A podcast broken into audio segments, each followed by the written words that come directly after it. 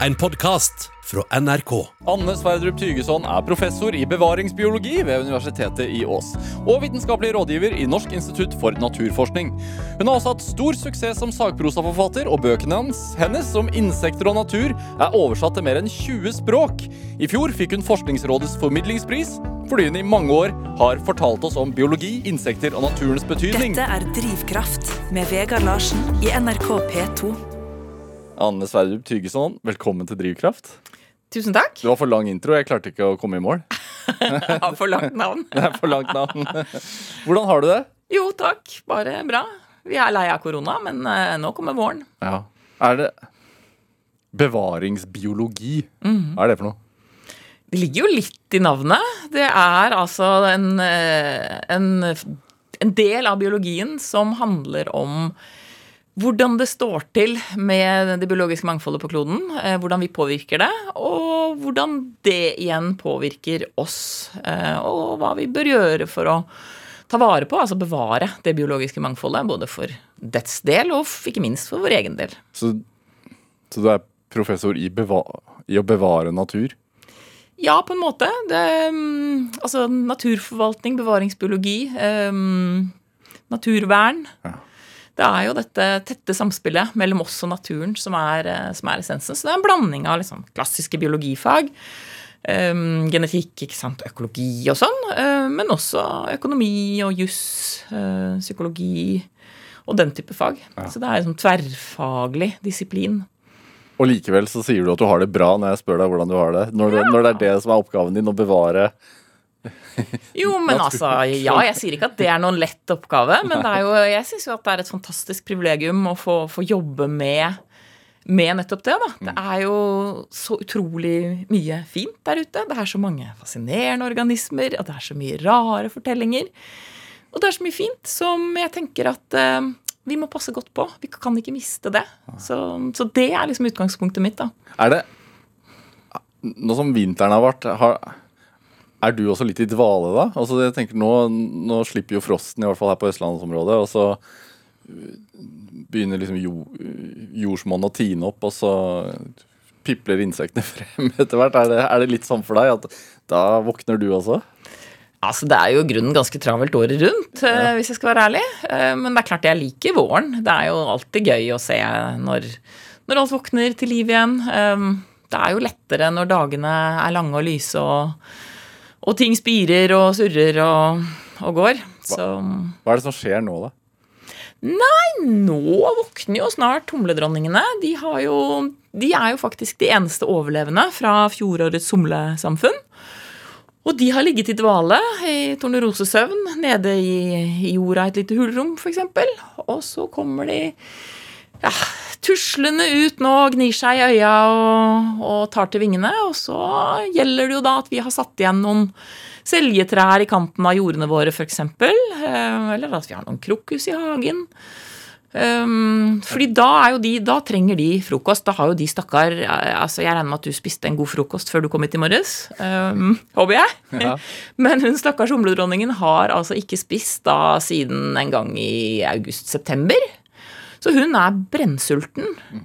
Og da trenger hun mat for å overleve og for å starte opp et nytt humlesamfunn, som er, er det som skal pollinere både de ville blomstene og matplantene våre i sommeren som kommer. Er de blant de første som våkner?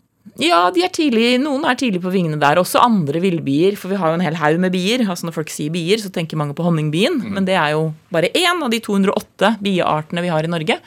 Og det er jo en husdyrart. Men vi har altså 207 ville bier, eh, inkludert humlene. Og mange av dem er ganske tidlig på vingene. De følger jo til dels, En del av villbiene følger de blomstene som de henter nektar og pollen fra. Så ja, nei, så nå, nå våkner det sakte, men sikkert. Er det Altså, mange av oss har jo et litt sånn ambivalent forhold til insekter som, som du er glad i. Eh, for et, hele prosjektet ditt er jo at, du, at vi skal bli mer entusiastiske overfor insektene, er det ikke det? Jo, jeg syns jo virkelig at de fortjener det. Um, altså Hvis du tenker vi kan bare ta Norge, da. Der er, vi har ca. 19 000 forskjellige insektarter i Norge. 19 000. Og av dem så er det kanskje Jeg tenker du kan telle på to hender de artene som er litt brysomme for oss. Hvem er det? Nei, altså det vil jo avhenge litt av hvem du spør, men jeg tenker du ville få stikkevepsen der, du ville få myggen, ikke sant, stikkemyggen. Du ville få Ja, skjeggkre, åpenbart. Kanskje sølvkre også, eh, søsteren dens. Eh, hjortelusflua, ikke minst. Flott. Nei, men det er ikke et insekt, så da kan vi ta den med en gang. Det er et edderkoppdyr, så den, den tar jeg ikke ansvar for. men, men ikke sant, ok, så du kan holde på sånn. Kakerlakk, flue.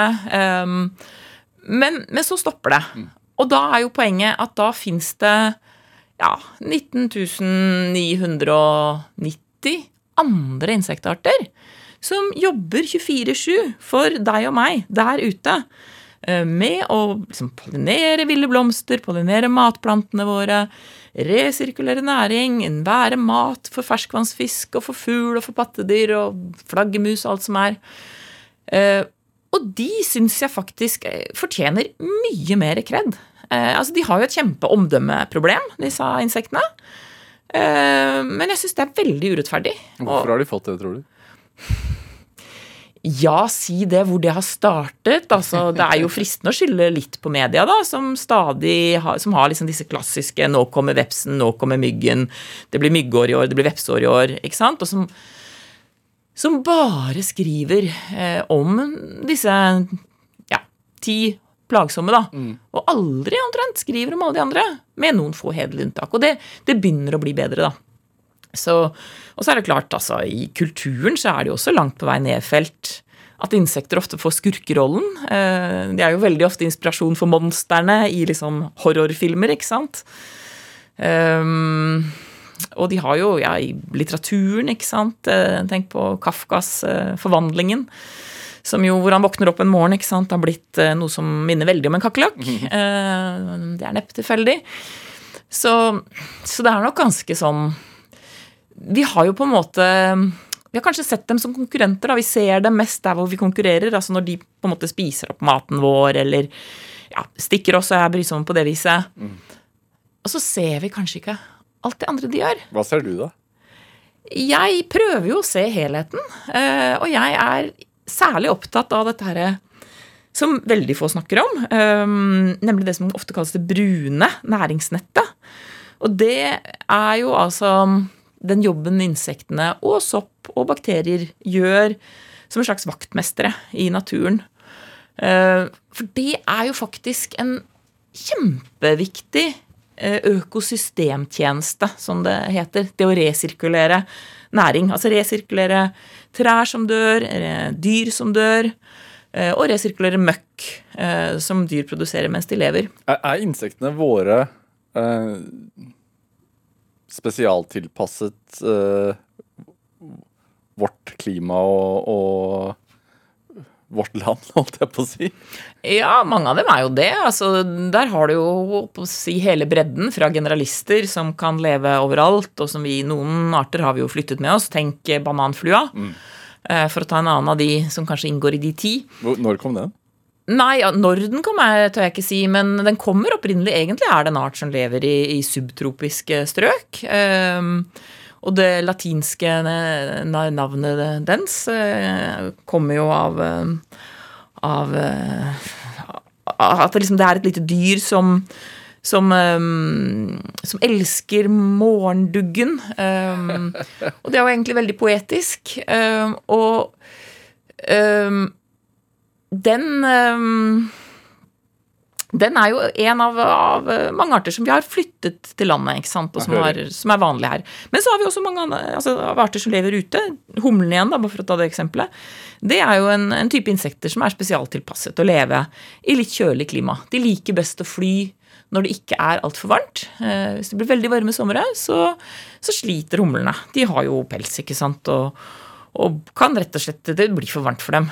Og det er jo en av de tingene vi ser med klimaendringer. At eh, utbredelsesområdet i Europa og også i Nord-Amerika for humler, det krymper i sør. Ja. Fordi det blir for hett for dem, rett og slett. Og det ser vi med mange andre typer av insekter også.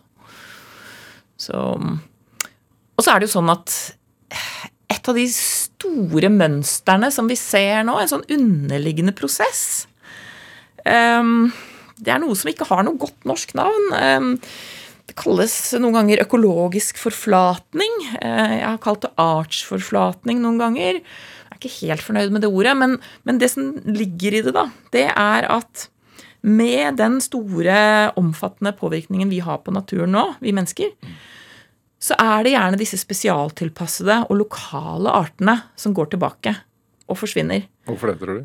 Jo, fordi de bare lever på noen små steder, og fordi de nettopp er spesialtilpasset. Tenk klimaendring, f.eks. Da vil arter som er vant til det klimaet som er på Vestlandet, da vil de kanskje forsvinne derfra fordi det klimaet endres. Um, og dermed så mister vi mange av de, de sjeldne og spesialtilpassede og unike artene. Mens de som går fram, det er disse generalistene, disse globetrotterne som, som på en måte trives overalt, klarer seg overalt. Og, det, og de har jo dels blitt hjulpet av oss fordi vi flytter dem rundt, bevisst eller ubevisst. Um, ja, tenk bananflue, for eksempel, da. Og mange andre arter. Um, gnagere, rotter, ikke sant. Sånne type dyr. Og problemet med det er, er ikke liksom et sånt nostalgisk problem, bare. Men, men um, for det første så kan vi snakke om arters egenverdi, men vi kan også snakke om at, at disse artene har jo en, en, jobb å gjøre. Og disse spesialistene er ofte veldig gode til å gjøre liksom jobben akkurat i de spesielle betingelsene som de er tilpasset. Mm. Mens generalistene de er sånn passe gode over hele fjøla. Um, ser man noe Altså Kan man se allerede nå steder hvor de spesialistene er blitt borte, og at det har fått påvirkning på området? Altså Man ser det f.eks. Igjen, nå ble det mye om humler her. da, det, Ofte så tenker jeg at man ikke skal snakke så mye om humler, for de er jo alle så glad i. Vi må snakke litt om alle de andre. Men ok, humler er et fint eksempel på akkurat det. fordi det er faktisk sånn at humler har tunge. Og Noen humler har lang tunge, og noen har kort tunge. Og hvis du skal eh, få tak i nektaren som er i bunnen av rødkløver, Rødkløver har jo mange små, veldig lange sånne rør i blomsten sin, ikke sant? og nektaren er helt i bånn av det. Så for å få tak i den nektaren, og også for å pollinere en rødkløverblomst, så må du ha, være en humle med veldig lang tunge. Og, og, det vet vi at eh, selv om vi har like mange humlearter, kanskje, i et område, så har det blitt færre av de langtungede humlene. Og det betyr at bønder som jobber med å, å få fram rødkløverfrø, mm de sliter, rett og slett. Fordi eh, det blir vanskeligere å få pollinert eh, rødkløveren sånn at du får fram nye frø. Er det, Når du sier klimaendringene, er det temperaturstigningen som har gjort det der, eller er det utbygging og nedhogging og ja, Da er det viktig å si at klima er klima. Ja. Eh, mange bruker klima som et nytt sånn fellesbegrep på det som egentlig heter miljø. Og det er veldig pussig. Eh, altså, vi, har på en måte, vi har en klimakrise. Den handler om klima. Altså det været over lang tid. Nedbør og temperatur. Eh, og de langsiktige endringene i det. Og så har vi en naturkrise. Og den handler om, om nedbygging. Eh, at vi ødelegger levestedene til artene. Og at arter går tilbake eller forsvinner. Eh, fra et område, fra landet, eh, fra kloden i verste fall. Og klimakrisen og naturkrisen, de er De er ikke kanskje to sider av samme sak, men de er på en måte eh, tvillingparet, da, om du kan kalle det det. De går hånd i hånd. Um, og de har mye med hverandre å gjøre. Noen ganger så kan det være um, Altså, de, de, forsterker jo hverandre.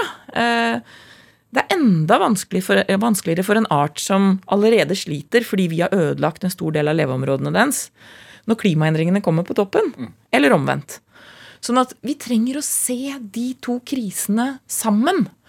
Det er kjempeviktig, og det er kanskje det aller, aller viktigste budskapet vi trenger å få fram nå. Akkurat nå.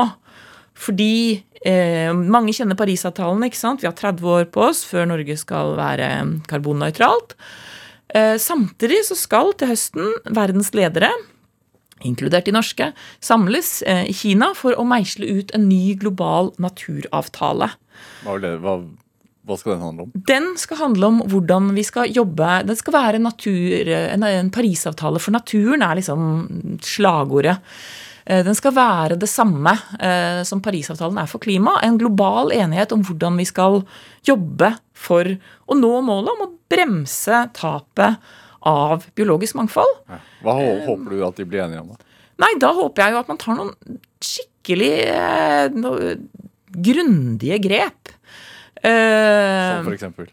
Nei, altså, jeg tenker vi må endre måten Vi, vi må snu helt grunnleggende måten vi tenker på. Vi, vi kan ikke fortsette med, e- med videre vekst i hvor mye vi bruker av ressurser. Fordi kloden vår har faktisk en endelig mengde ressurser. Sånn at vi må snu hele tankegangen vår over i mer sirkulære spor. Vi må få sirkulær økonomi til å fungere. Vi må få sirkulære systemer til å, å fungere. Og vi må, vi må bli på en måte Akkurat som vi skal bli karbonnøytrale, så må vi bli arealnøytrale. Altså, Vi kan ikke fortsette å bygge ned ny natur og ny natur og ny natur. For da altså, Det er jo på en måte Det burde være ganske opplagt, syns jeg, eh, at det går jo ikke i lengden. Fordi det er denne ene kloden vi har. Dette er Drivkraft med Vegard Larsen i NRK P2. Og i dag er eh, professor i bevaringsbiologi og forfatter Anne Sverdrup Tygeson her hos meg i Drivkraft på NRK P2. Altså, hva er hva er de liksom største utfordringen for insektene våre? Er, altså Klimaendringene er jo én ting. Altså, du sier jo at det er begge deler, selvfølgelig. Eh, klimaendring og naturendring. Men hvis man tenker i Norge, da, er det måten man eh, opererer innenfor landbruk? Er det nedhogst? Hva, hva er liksom den største utfordringen for norske insekter? Det er måten vi bruker arealene på. Ja. Eh, Og og det faktum at vi ødelegger insektenes levesteder. Og da er det klart at eh, da er det jo noen eh, Altså drøyt 40% av Norge er fjell, snaut 40% av Norge er skog. Det betyr at omtrent 80 av Norge er fjell eller skog. I fjellet gjør vi jo ikke nødvendigvis alltid så mye nedbygging. Det er jo der vi har vernet mye natur. Mye hytter, da. Det er mye hytter, og det har definitivt en, en påvirkning um, i sum. Men, men også skogbruket og skognæringen er viktig, um, fordi den faktisk da påvirker oppunder 40 av, av Norges arealer. Og, og vi vet at i, i norsk skog så bor 60% av alle artene våre. Um, og vi vet også at i skogen så finner du nesten halvparten av alle de truede, altså de utrydningstruede artene i Norge. Og så er det forskjell på ny og gammel skog. Det er forskjell på en eh, naturskog som i hovedsak er styrt, styrt av naturens egne prosesser. Um, og det kan være sant, store ting som en skogbrann eller en stormfelling eller store insektangrep. Men også at trær bare blir gamle, de råtner, de blir angrepet av sopp, de knekker toppen, sånn som nå, som de har gjort veldig mye på Østlandet nå med masse snø. ikke sant? Så de Og det naturlige prosessene det er et nydelig sted for insektene å være. Det er det. Det er det de er tilpasset fra naturens side. Det er liksom sånn type natur de er utviklet, evolvert for å, å leve i. Og, og, um, så det er liksom naturskogen, for å bruke For å liksom ha definert den. Og så har du på den andre siden eh, en, det som noen kaller en kulturskog, eller du kan kalle det en industriskog. Som altså er en skog som vi hvor vi på en måte dyrker tømmer og trevirke. Fordi vi skal bruke det som en, en viktig ressurs. Og det er det absolutt. Og selvsagt skal vi drive skogbruk. Um, men så er det sånn at en, en andel av norsk skog har ennå ikke vært flatehogd. Altså der hvor du går inn og hogger så å si alle trærne på en gang. Og så planter du nye små. Da blir det veldig lite levesteder igjen for insektene på den flata. Så det kommer ikke opp igjen etter at man planter nytt. Altså, insektene som eh, De flytter jo på seg, men poenget er at veldig mange av dem er, eh, lever f.eks. i døde trær. Og det høres alltid veldig rart ut når man sier det, fordi folk tenker jo at døde trær er litt sånn rot, ikke sant, eh, kanskje, og at det er sløsing med ressurser som vi kanskje kunne ha brukt, og kanskje burde ha brukt. Men død ved, altså døde trær, eh, det er faktisk noe av det mest levende eh, vi finner i skogen. Og omtrent en tredjedel av alle artene som lever i norsk skog, de lever i de døde trærne. Og derfor er det veldig viktig. Og i en skog som er styrt av naturens prosesser, eh, med lite påvirkning fra mennesker, så vil det være mye døde trær. Mye, mye mer enn det vi har i norsk skog i gjennomsnitt i dag. Altså, vi Men- ligger på ca. en femtedel, sjettedel av det som ville vært om vi ikke hadde påvirket skogen. Men kjører man gjennom Norge eller flyr over Norge, så ser jo skau hele veien. Ja, skog, men du ser også hogstflater. Ja. Og du ser ensartet skog, monoton skog. Eh, skog som er, hvor alle trærne er like store og like gamle. Eh, og de hogges da når de er rundt ja, 80-100-120 år, avhengig av hva slags, om det er gran eller furu og hvor bra mark de står på. Mens et grantre kan bli 500 år, og et furutre kan bli oppunder 1000 år. Eh, så ikke sant? Hvor mange av de trærne fins i Norge? De aller eldste finnes det ikke mange av. Ah. Og i en, eh, selv i en, altså en urskog så vil jo selvsagt trærne finnes i alle aldre. Poenget er at der vil det være en variasjon. Der vil det være trær i forskjellige størrelser og forskjellige aldre. Og det vil være mange døde trær. Og da betyr det at du har på en måte en Altså, et sånt dødt tre, det er jo egentlig modellen for våre insekthoteller.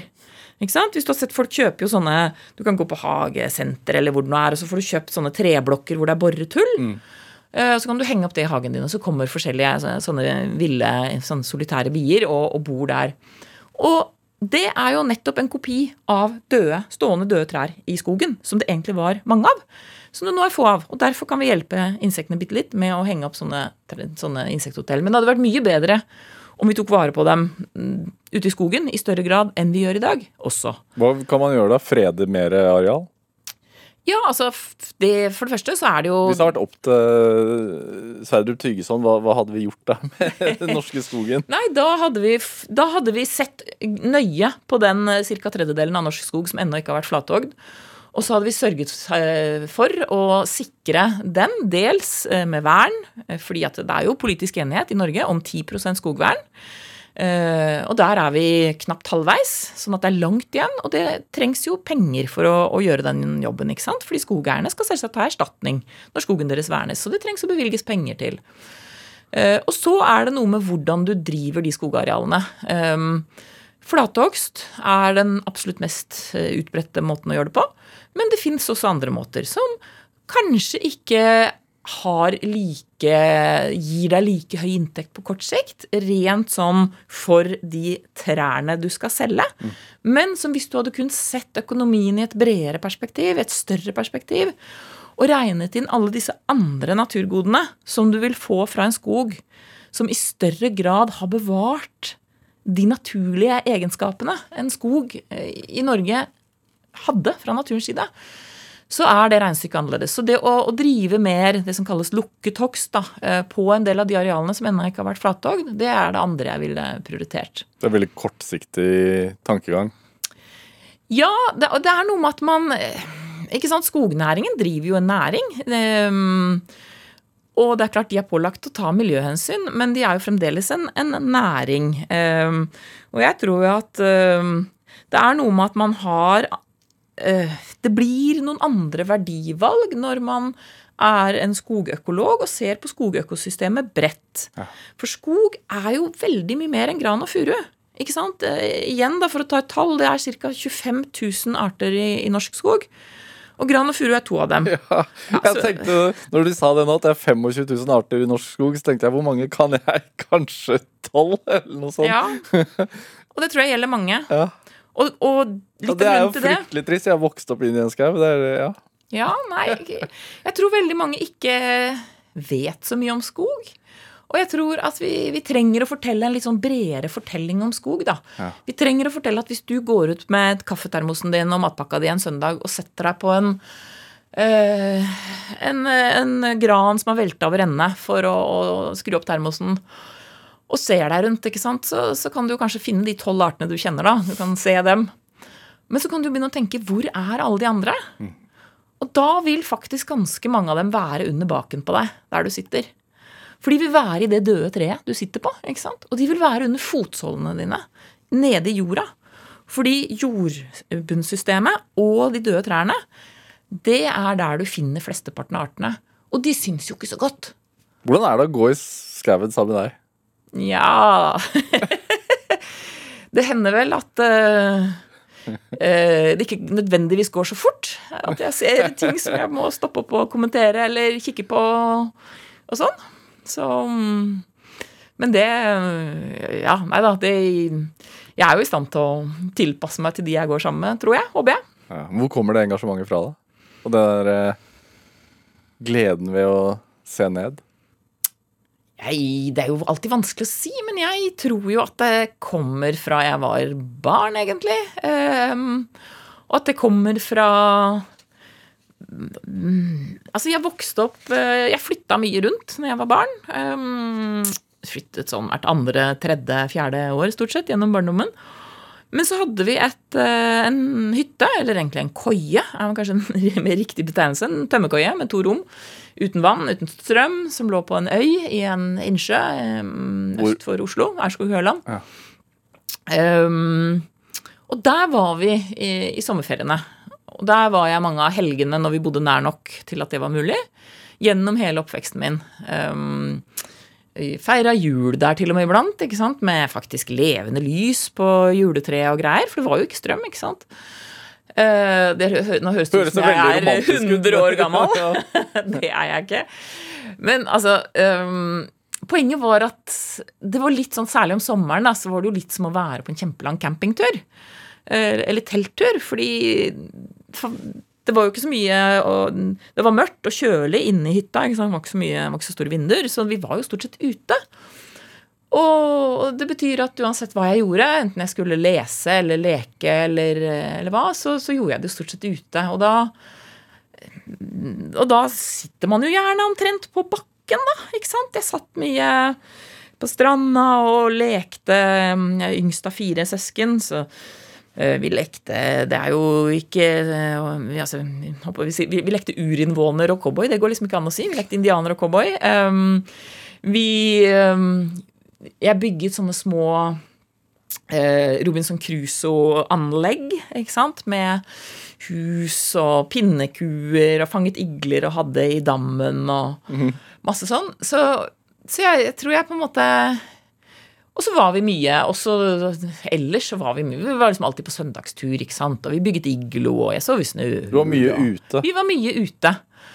Um, så det var bare sånn Jeg trodde alle hadde det. Eh, og det tok meg en stund å skjønne at andre folk egentlig syntes at insekter var eh, ekle. Ikke bare insekter, men liksom, jeg hadde ikke noe spesielt dille på insekter da jeg var liten. Jeg synes bare Altså, naturen generelt var bare en del av hverdagen, på en måte. En del av livet.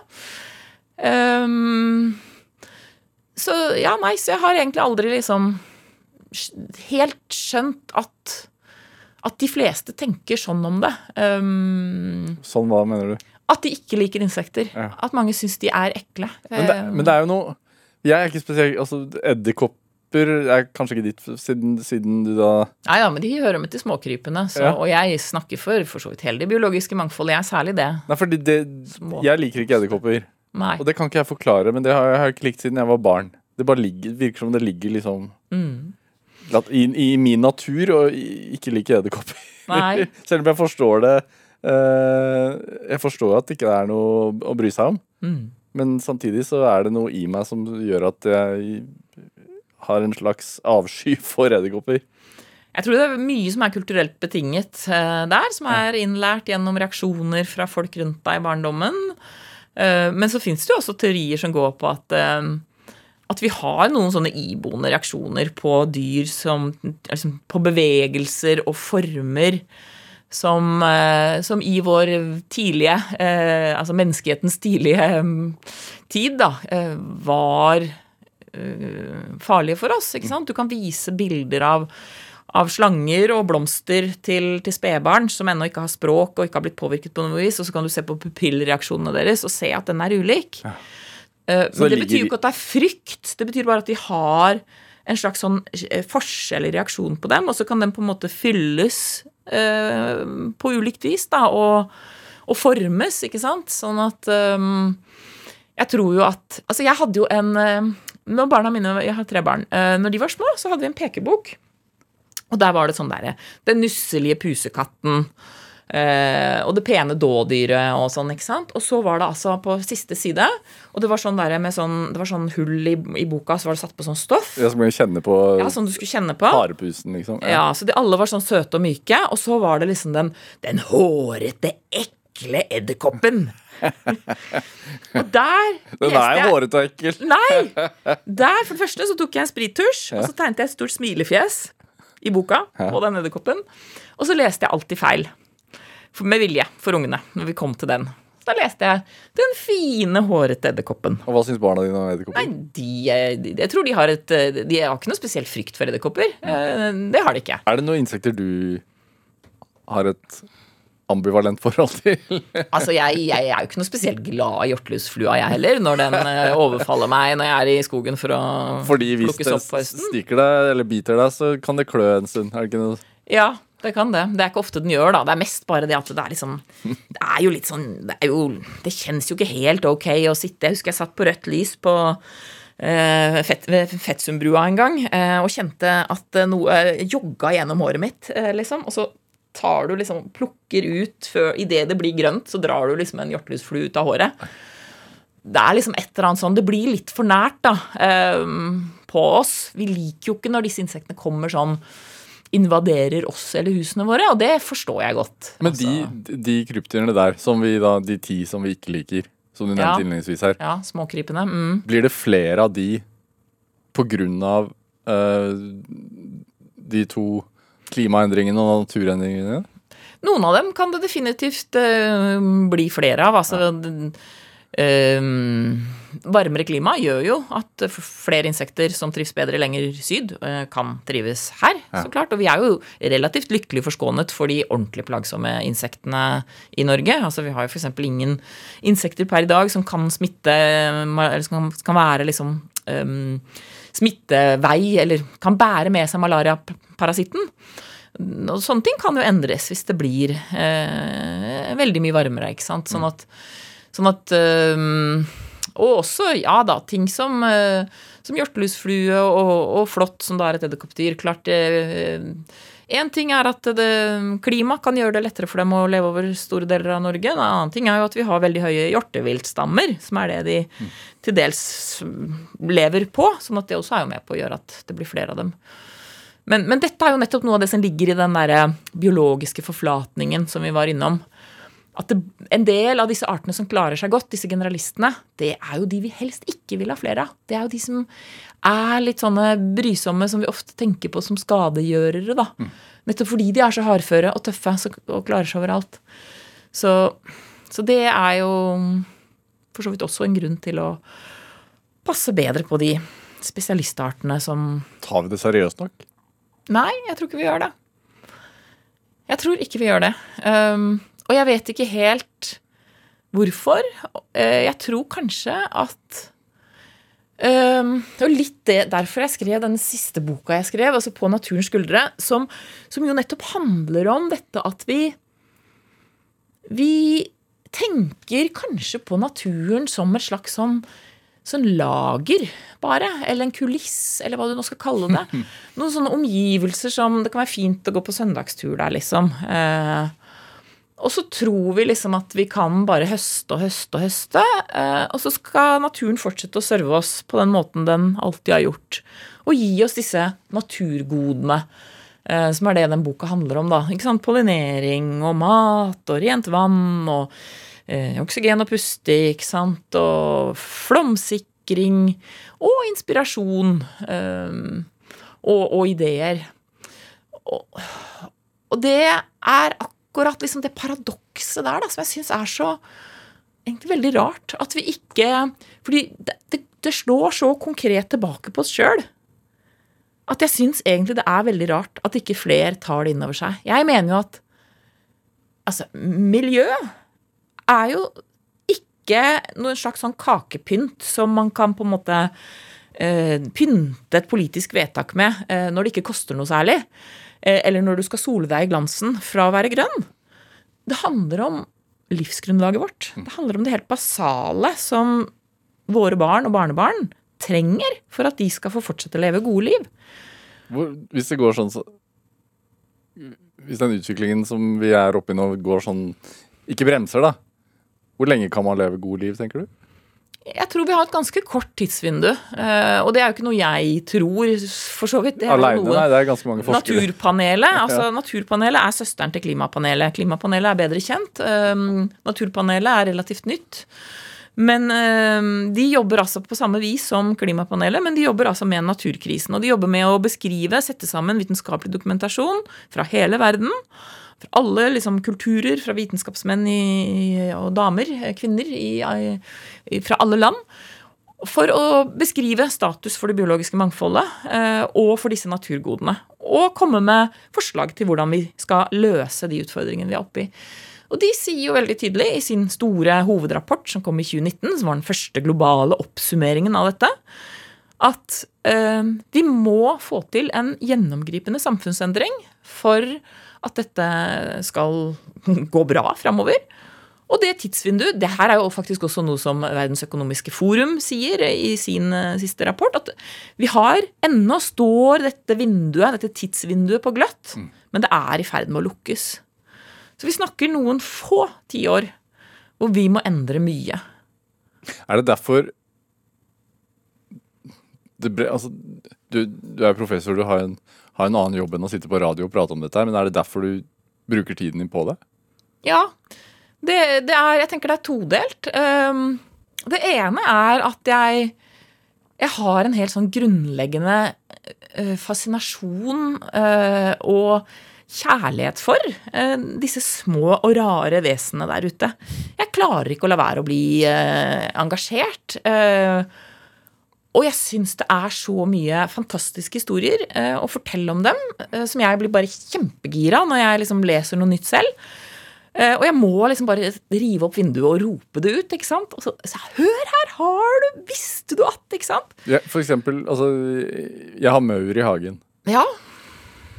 Maur er kule. Ja, ja, hvorfor det? hvorfor bevare den tua? Nei, altså maur er utrolig fascinerende. For det første så er jo maur veldig tallrike. Det er jo noen av de kanskje de mest vellykkede skapningene vi har på kloden. Ja. Det, det, er, det, er det, da. De er så tallrike. Ja, Men de, de gjør jo en masse nyttig eh, for oss. De, de sprer frø. Det hjelper mange planter å spre frø. Blåveis f.eks. har på sine frø en liten maurmatpakke en liten klump i enden. Hvis du ser på blåveisfrøene på slutten av våren nå som kommer, kan du følge med på blåveisen når den blomstrer av, så vil du se at det er en liten klump i enden av frøene. Og det er en matpakke til mauren som gjør at mauren har lyst til å komme og hente det frøet og bære det med seg til tuen. Og der eh, biter hun av matpakka, og så tar hun det inn til larvene, og så legger hun frøet fra seg. Og da spirer den blåveisen på et nytt sted. Og det er jo supert for begge. Um, og så har jo maur drevet med husdyr, eh, hus, husdyrhold, eh, iallfall i 50 millioner år. Og det er jo en smule lenger enn oss mennesker, som liksom vår eh, jordbruksrevolusjon er ca. 10 000 år gammel. Så Hva slags husdyr? De holder bladlus som husdyr. Um, som sukkerkuer. Men altså Du sier at de holder det som husdyr, men de, altså, spiser de det, eller tar de, altså, tar de vare på de sånn som vi tar vare på våre husdyr? De tar vare på dem. De har dem som melkekyr. Men det er altså ikke melk, men sukker eh, de melker dem for. Fordi bladlus eh, er, sitter jo Bladlus er, eh, suger plantesaft, det er det de lever av. De sitter med en snabel inn i blad eller stengel på en plante hele livet og slurper plantesaft. Og så er det noen næringsstoffer det er lite av i plantesaft. og Derfor må de slurpe i seg veldig mye for å få nok av de næringsstoffene. Nitrogen, f.eks. Og, og da får de for mye sukker og vann. Så de får et overskudd av det. Og da kommer altså mauren, eh, og så stryker eh, mauren forsiktig bladlusa over bakkroppen med antennene sine. Da skiller bladlusa ut en liten dråpe med sukkervann, det vi ofte kaller honningdugg, som mauren tar med seg i munnen og bærer med seg hjem til, til tua. Og gir også som mat, da, sammen med denne maurmatpakken fra frø, til, til larvene sine. Og det er jo Og de passer på bladlusene, de, eh, altså maurene. De jager vekk marihøner og andre eh, sinte vesener som kommer for å prøve å spise dem opp. Akkurat som vi passer på våre husdyr mot eh, rovdyr. De kan flytte dem. De tar dem i kjeften og bærer dem til de mest næringsrike delene av plantene. Mm. Um, og de kan bite vingen av bladlus. Bladlus har jo perioder vinger. Akkurat som vi kan vingestekke våre gjess så at ikke de skal stikke av. Og i utlandet fins det også maur som faktisk bærer bladlusene inn i tua og har dem der gjennom den eh, kjølige årstiden, altså gjennom vinteren. Og plasserer dem ut igjen. Eh, tar dem til seters, eh, så å si, når våren kommer igjen. Ja, det er kjempegøy. Er det så, Hvis man er, det, er du opptatt av det? At man skal Hva skal man si Menneskeliggjøre det, eller altså omtale insektene i litt sånn andre ordlag, og, og se på de litt sånn sånn som du beskriver møverne nå? Jeg tenker at det er eh, Det kan være med på å gjøre dem litt mindre fremmedartet for oss. Ja. Eh, For det er jo sånn at vi identifiserer oss mest med det som ligner oss selv. Sånn er det jo alltid. Altså, eh, liksom, vi har jo en grunnleggende sånn angst for ting som er fremmed, ikke sant? Eh, Og jo lenger unna oss eh, Det er jo akkurat sånn, bare tenk, altså vi, vi, vi, eh, vi har lettere for å sympatisere med en, eh, en ape, liksom. En, en gorilla, kanskje. Enn en ja, en hval, og enda lettere med begge de enn en plante, da, eh, for, å, for å si det sånn. Og, og insektene ser jo veldig ulike ut fra oss. Så jeg tror jo at ved å, å, å bruke liksom eksempler og, og, og metaforer, altså bilder fra våre menneskeliv, så er det lettere å få folk til å, å identifisere seg med insektene og skjønne at de gjør viktige ting. Så, og jeg tenker at det, altså for å bare dra tilbake til det du spurte om i stad, det, der, det at mange av disse historiene er jo så kule, og jeg opplever jo både i bøkene mine, eh, sant, både i Norge og i utlandet, og når jeg prater, at folk syns dette er gøy. Folk, altså, det har kommet folk etter foredrag noen ganger og, og sagt at jeg, jeg ante ikke at liksom, insekter kunne være så spennende. Jeg sittet og hørt en hel time om det. Liksom. Eh, så, så liksom, jeg tror det engasjementet er viktig. Men så er det også en sånn underliggende eh, Hva skal du kalle det? Sårhet? Eller mm, tristhet? Nesten desperasjon til tider. Eh, som ligger under, og som på en måte er det alvoret, da, som også er en viktig drivkraft for at jeg bruker tid på det her. Um, det er jo litt sånn som den siste boka mi ble oppsummert veldig bra i Aftenposten, syns jeg. At den er en, en kjærlighetserklæring og et kampskrift i, én og samme bok. Og det er egentlig en ganske god oppsummering av, eh, av hele liksom, det formidlingsprosjektet mitt. Dette er Drivkraft med Vegard Larsen i NRK P2. Og i dag er professor i bevaringsbiologi og forfatter Anne Sverdrup Tygeson her hos meg i Drivkraft på NRK P2. Uh, snakker om bøkene dine. Altså det er tre år siden du ga ut 'Insektenes planet'. Fire år? Tre, år? Tre bare. Helt sprøtt. Tenk det. Uh, solgt til 20 land. Uh, 25 faktisk. Mm. 25 nå. Eh, oversatt til 20 språk, eller flere nå, da. 20 språk. Det er vel 23 språk, da. Eh, nominert til Brageprisen. Eh, Insekter er overalt, men tydeligvis så ventet man på den boka. Det, var, det er litt tre år siden. Ja, nei, altså den kom nok. Jeg tror nok den traff tidsånden også. Ja. Fordi i høsten 2017 kom en viktig vitenskapelig artikkel fra Tyskland som, som nådde avisoverskriftene verden over. Uh, og det er litt sånn interessant hvorfor den gjorde det. Det var kanskje også noe med tidsånden. fordi Hva sto det der? der sto det uh, Det som ble slått opp veldig mye, var at um, 75% av insektene har forsvunnet på 30 år. Det var et tysk studie fra tyske naturreservater. eh, hvor de altså hadde fulgt eh, disse stedene i over 30 år. Og når de målte, når de veide disse liksom, samleglassene sine, eller innholdet i dem, rettere sagt, eh, fra 30 år tilbake og fram til i dag, eller til 2017, da, så fant de altså at det var bare en fjerdedel så mye insekter nå som for 30 år siden. Og det var jo ganske dramatisk. Jeg tror det bildet fikk folk til å sperre opp øya. Um, Det var jo det som kanskje gjorde at folk begynte med sånne uh, biohotell og sånn i hagen. har du det i hagen? Nei, jeg har ikke det. Nei? Jeg har ikke det. Hva kan man, sånn i forhold til det, hva kan man gjøre? De, mange av oss har jo egne hager her i dette landet. Kan man gjøre noe der? Jeg tenker man kan gjøre masse. Um, og det er egentlig liksom, enkleste er å tenke mer natur. Eh, mindre strigla. Ja. Mer rot. Ja. Mindre strikt orden. Og Det betyr f.eks. at kanskje ikke du trenger å klippe plenen så ofte. Kanskje kan du til og med la noen av plenen bli en blomstereng. Eh, kanskje kan du klippe sånn at iallfall kløveren får stå. Eh, den er viktig for mange pollinerende insekter. Kanskje kan du eh, sette deg ned og se på løvetannen i plenen din og bare omdefinere den. Eh, fra å være ugras til å være en vakker, gul blomst som faktisk Som den er, også ja. Som den er.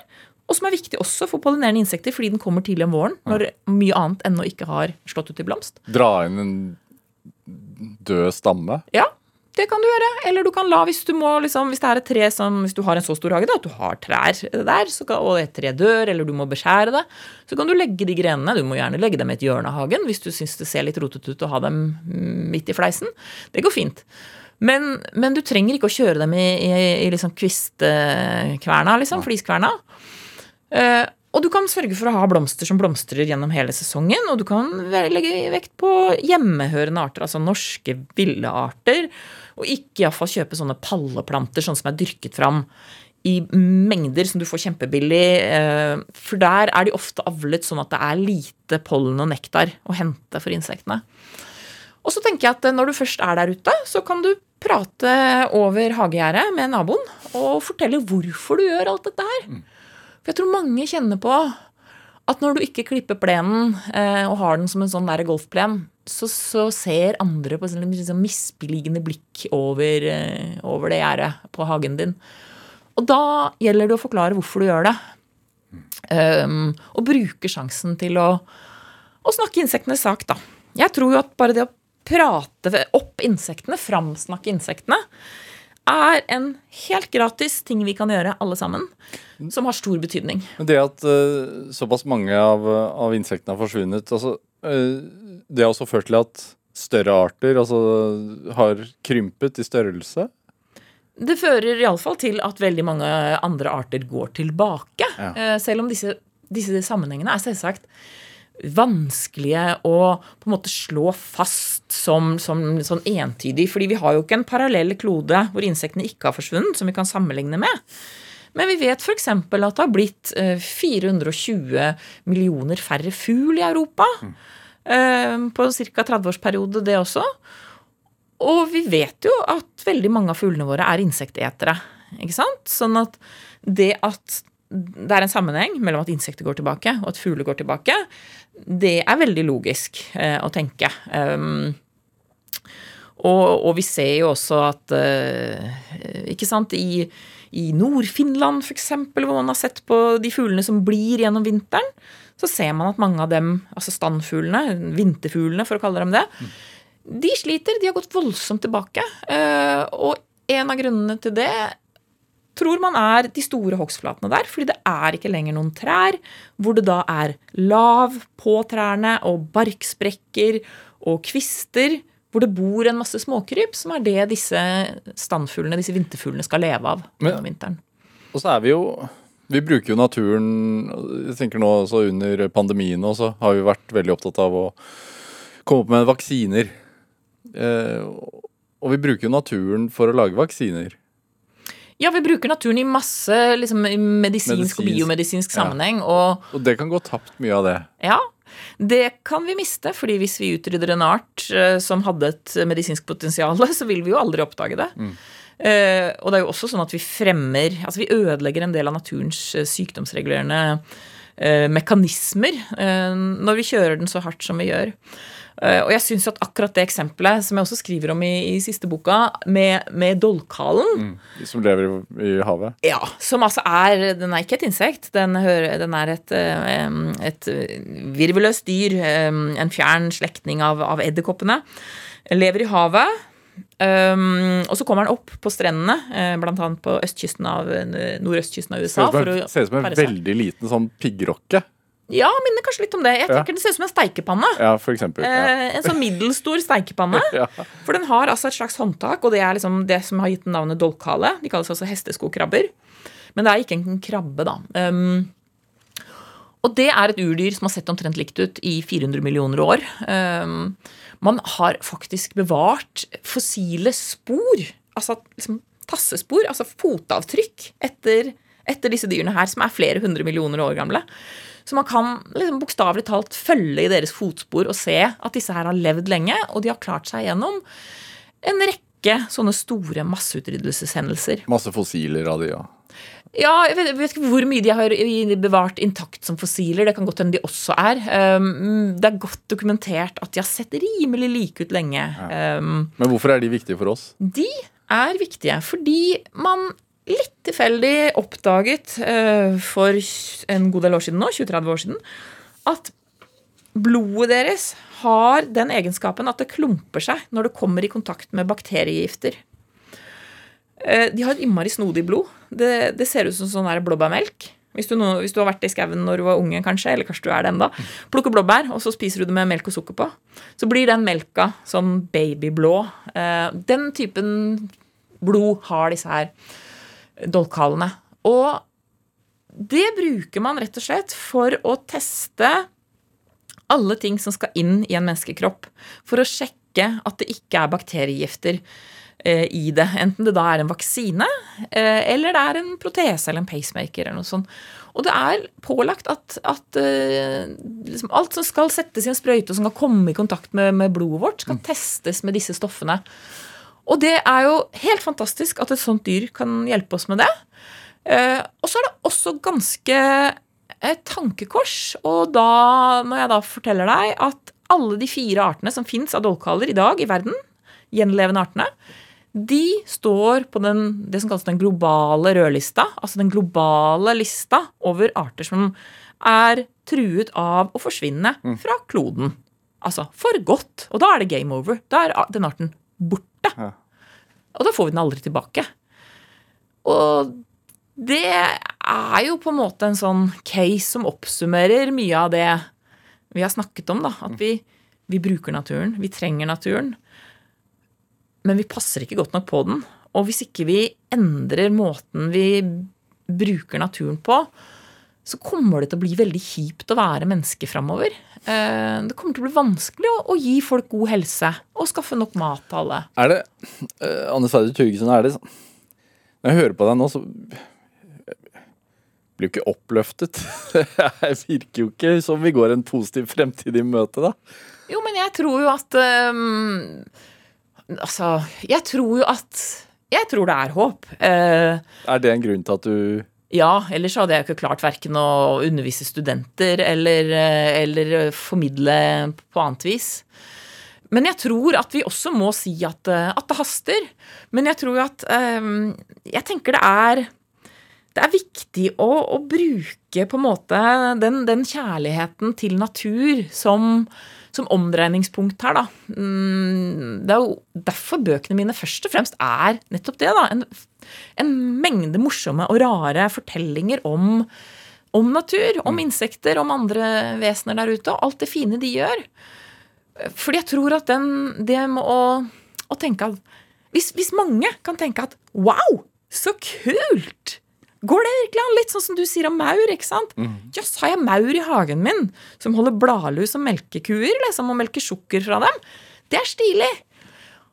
Og så kan liksom folk, hvis de først syns det er litt kult, så kan de begynne å spørre og tenke og lese seg opp selv. Og så kan de si at oi, kanskje ikke det går så bra med disse her. Og så tror jeg at hvis de så selv tenker ja, men da må vi gjøre noe med dette her, fordi de har på en måte fått motivasjonen innenfra, da tror jeg den drivkraften blir mye sterkere enn om jeg står veldig med pekefinger og belærer og forteller at sånn må vi ikke gjøre, og sånn må vi ikke gjøre, og det går til helvete. For jeg tror ikke at det går til helvete. Jeg tror at dette her skal gå bra, men da må vi kjappe oss og hive oss rundt og få med oss mange. Og så må vi få politikerne til å forstå at et miljøprogram, det er noe som alle politiske partier må ha. Fordi dette handler jo faktisk om livsgrunnlaget vårt. Stemmer det at du fikk sånn takkekort fra Attenborough? Ja. Jeg sendte han boka og fikk et eh, hyggelig håndskrevet kort tilbake. Ja. Veldig, veldig stas. Og, og jeg tenker meg, Du har vel vokst opp med han på skjermen, nesten? Ja, jeg har det. Han er jo min eh, store, store helt. Ja. Hvordan er det? Hvordan er det? Det er jo helt fantastisk. Det er jo helt wow. Og så får du takkekort fra veldig unge mennesker også. Ja, jeg får, ja det, kom, det kom ikke på et håndskrevet kort, men det kom via ja, direktemelding på Insta, tror jeg. Instagram. Fra en tolvåring i Sør-Korea som hadde tatt bilde av seg selv med boka mi, for den er jo oversatt til koreansk også, 'Insektenes planet'. Uh, og skrev på dårlig engelsk at uh, ja, han var tolv år, og han hadde lest boka mi. Og når han, eh, når han ble stor, så ville han også bli biolog og komme og studere på, på NMBU, på universitetet mitt på Ås. Og 'please wait for me'. Ja. Og det er jo utrolig det er jo utrolig inspirerende eh, med alle sånne tilbakemeldinger. Altså. Det gjør jo at du føler at dette her er riktig bruk av tid. Det er god bruk av tid. Um, Og ja, det, det går jo mye fritid uh, med på det her, så klart. Sånn at eh, det er utrolig stas å føle da at det At du kanskje kan endre bitte litt på folk der ute, som igjen kan endre sine omgivelser, snakke med sine venner og, og endre enda litt mer. Endre en av gangen. Ja. Hva, hva, hva konkret kan man gjøre da, som enkeltmenneske?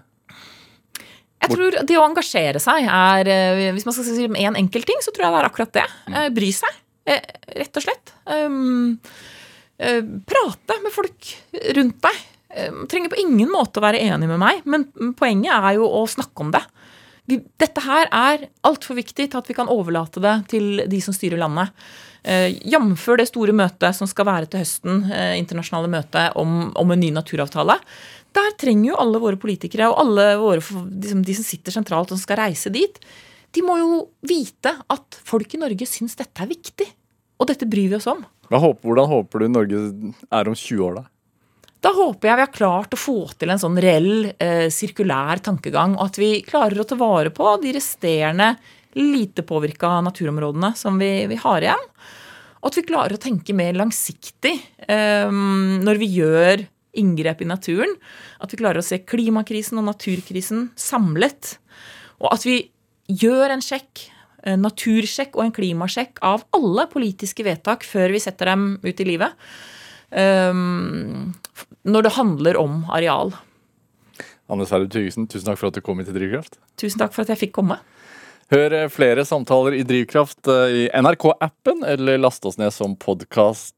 Send oss også gjerne ris og ros og tips til mennesker du mener har drivkraft.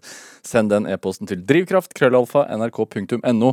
Vi hører veldig gjerne fra deg, og vi prøver å svare alle så fort vi kan. Vi er litt treige, men eh, alle tips blir notert ned, så tusen takk for det. Følg oss også gjerne på Instagram, på NRK Larsen. Produsent og researcher i dag var Ellen Foss Sørensen. Jeg heter Vegard Larsen. Vi høres. Du har hørt en podkast fra NRK. Hør flere podkaster og din favorittkanal i appen NRK Radio.